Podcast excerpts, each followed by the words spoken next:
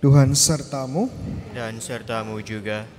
Inilah Injil Yesus Kristus menurut Yohanes. Dimuliakanlah Tuhan. Di rumah ibadat di Kapernaum, Yesus berkata kepada orang banyak, Akulah roti hidup yang telah turun dari surga. Jikalau seorang makan dari roti ini, ia akan hidup selama-lamanya. Dan roti yang kuberikan ialah dagingku, yang akan kuberikan untuk hidup dunia. Orang-orang Yahudi bertengkar antara mereka sendiri dan berkata, Bagaimana Yesus ini dapat memberikan dagingnya kepada kita untuk dimakan? Maka kata Yesus kepada mereka, Aku berkata kepadamu, sesungguhnya jikalau kamu tidak makan daging anak manusia dan minum darahnya, kamu tidak mempunyai hidup di dalam dirimu. Barang siapa makan dagingku dan minum darahku, ia mempunyai hidup yang kekal. Dan aku akan membangkitkan dia pada akhir zaman. Sebab dagingku adalah benar-benar makanan, dan darahku adalah benar-benar minuman. Barang siapa da makan dagingku dan minum darahku, ia tinggal di dalam aku dan aku di dalam dia. Sama seperti Bapa yang hidup mengutus aku, aku hidup oleh Bapa. Demikian juga barang siapa memakan aku akan hidup oleh aku. Akulah roti yang telah turun dari surga. Bukan roti seperti yang dimakan nenek moyangmu. Dan mereka telah mati. Barang siapa makan roti ini, ia akan hidup selama-lamanya. Demikianlah Injil Tuhan. Terpujilah Kristus.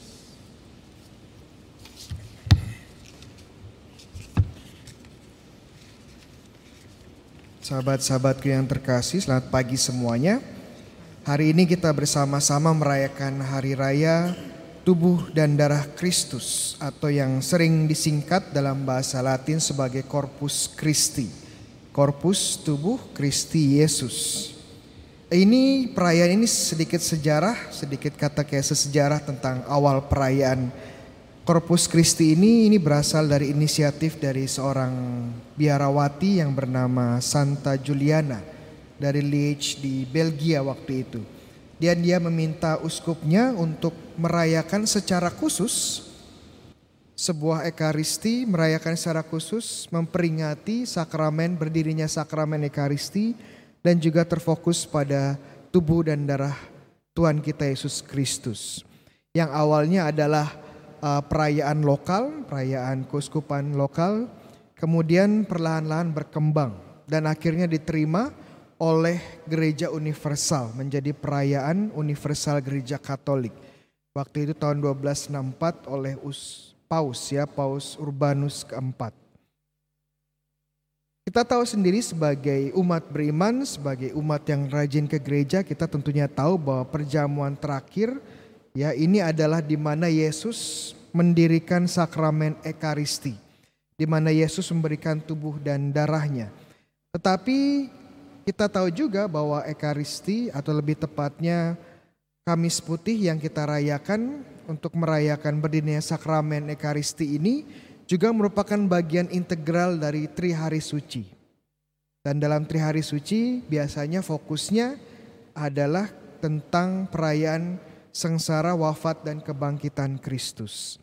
Jadi fokusnya tidak banyak di berdirinya sakramen ekaristi atau di tubuh dan darah Kristus. Nah, oleh karena itu uh, ini Santa Juliana ini menyarankan agar ada hari khusus yang didedikasikan untuk merayakan ekaristi, untuk merayakan berdirinya ekaristi dan merayakan tubuh dan darah Kristus. Kalau lihat kalender liturgi yang sebenarnya perayaan ini Corpus Christi seharusnya hari Kamis. Ya hari Kamis setelah hari raya Tritunggal Maha Kudus. Kenapa hari Kamis? Karena ini berakar pada Kamis Putih ya, hari raya uh, Kamis Putih. Tetapi karena tidak semua negara itu hari Kamis itu hari libur, Makanya banyak yang dipindah seperti Indonesia dipindah ke hari Minggu ya supaya lebih banyak lagi yang ikut berpartisipasi dalam perayaan ini. Yaitu kenapa ya sedikit sejarah uh, berasal uh, tentang asal mula dari perayaan tubuh dan darah Kristus ini. Nah, sekarang kita lihat Injilnya. Dalam Injil yang dari Yohanes, Yesus sekali lagi menegaskan bahwa tubuhnya adalah sungguh makanan dan darahnya adalah sungguh nyata, sungguh sebuah minuman yang harus kita santap dan kenapa perlu kita santap? Karena Yesus sendiri bilang kalau ingin memperoleh kehidupan kekal, memperoleh rahmat sejati, maka kita harus memakan tubuh dan darahnya.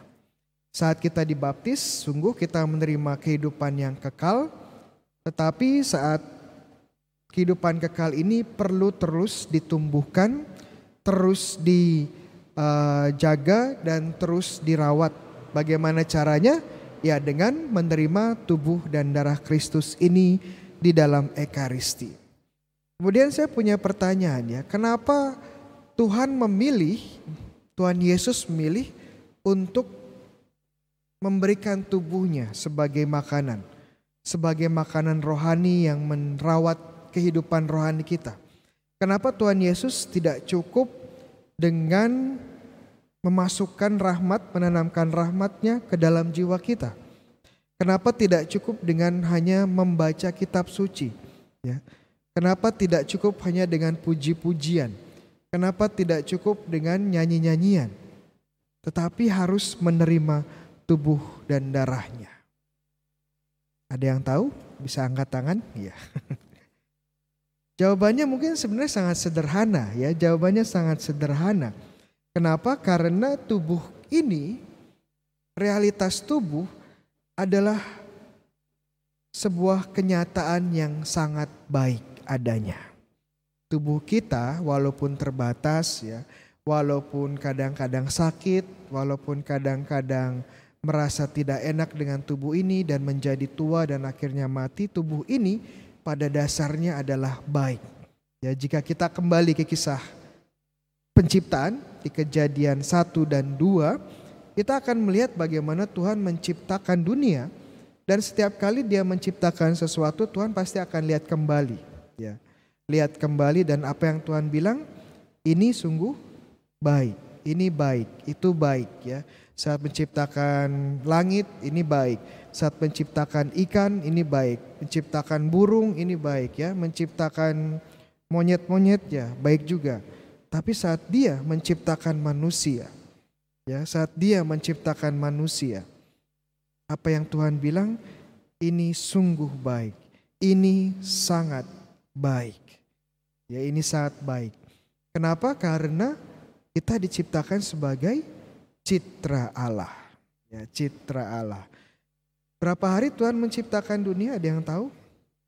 Ya, enam hari ya bisa ditawar enam hari saja. Kenapa Tuhan menciptakan dunia dalam enam hari? Padahal Tuhan bisa menciptakan dunia dalam sekejap saja. Ya, bisa. Atau dalam tiga hari juga bisa.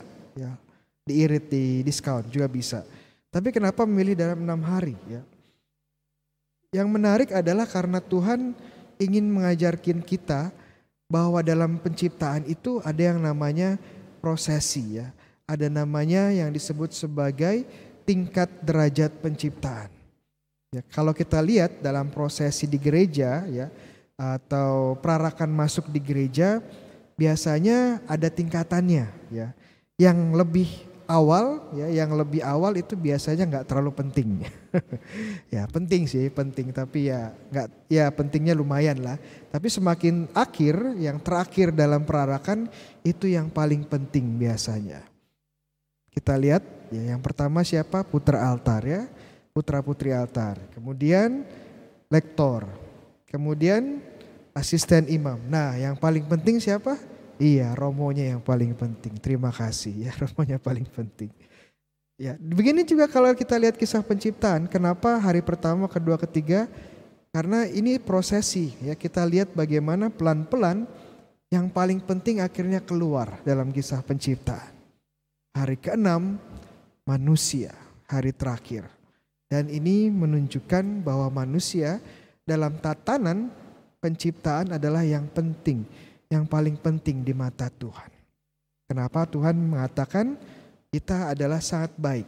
Nah, kita diciptakan sebagai manusia dan bagian penting tidak terpisahkan dari kemanusiaan kita adalah tubuh kita.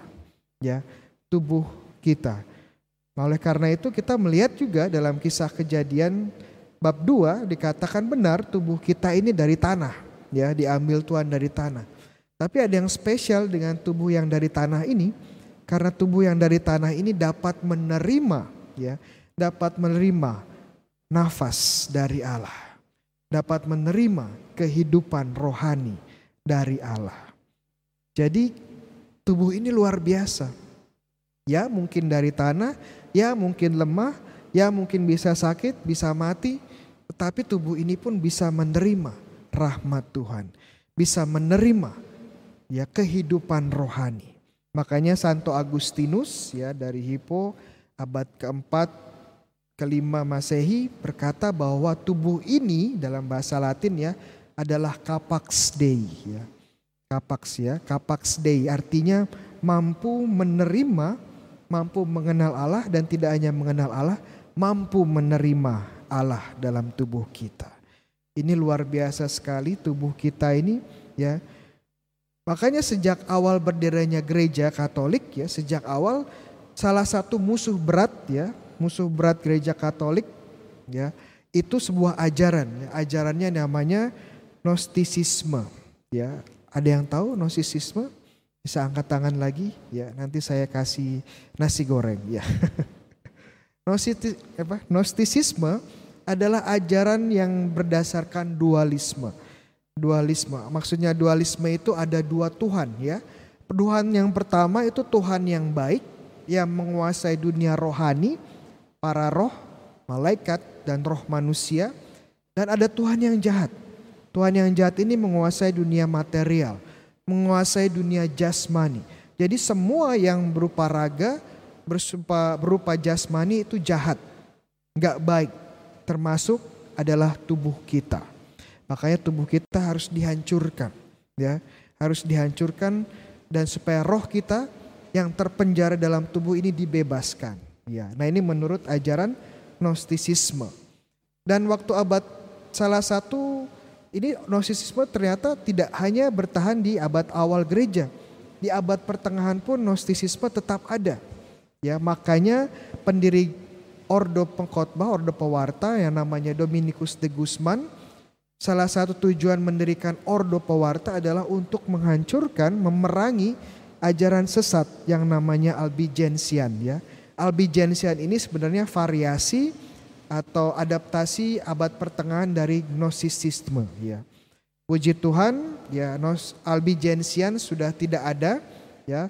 Kita berhasil memerangi ya memulihkan memerangi ajaran sesat ini di abad pertengahan, tetapi permasalahannya gnostisisme, gnostisisme susah sekali ya. Gnostisisme ini tetap bertahan sampai sekarang ya dalam bentuk-bentuk modern. Bentuk modern gnostisisme ini apa Romo? Ada yang tahu? Ini saat kita mungkin tanpa disadari saat kita menggunakan tubuh kita hanya sebagai instrumen untuk mencapai tujuan-tujuan duniawi kita.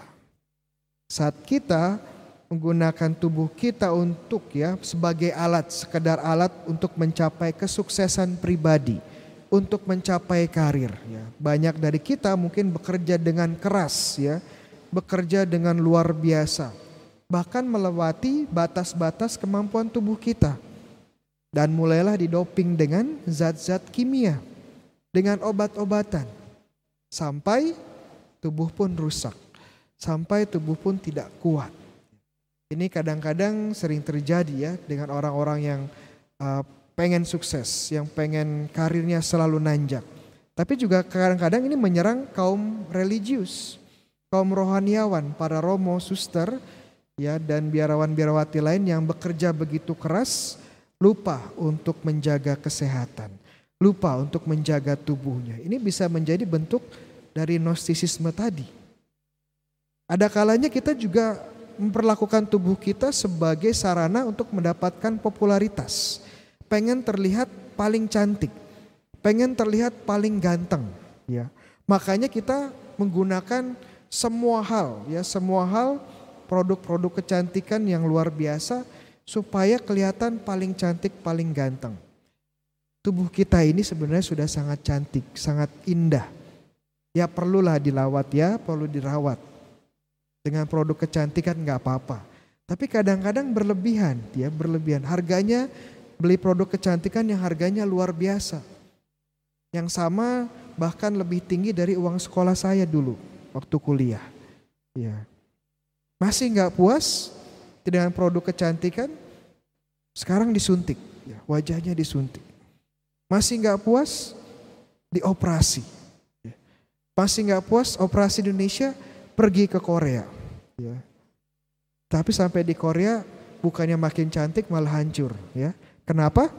Karena dia pergi ke Korea Utara ya, bukan ke Korea Selatan ya. Jadi bukannya disuntik silikon tapi di tembak nuklir ya hancur ya. Dan kadang kita juga menggunakan menyalahgunakan tubuh kita hanya untuk mendapatkan kenikmatan. Ya. Ada orang-orang yang hobinya makan. Makan tanpa batas ya. Lupa bahwa tubuh juga punya batas. Ya makan enak saya juga suka makan ya. Tetapi tubuh punya batas. Dan kalau batas-batas ini dilewati, ya tubuh juga akan rusak. Ada juga sekarang menggunakan tubuh untuk dijual. Makanya salah satu bisnis yang menguntungkan adalah bisnis jual beli organ tubuh.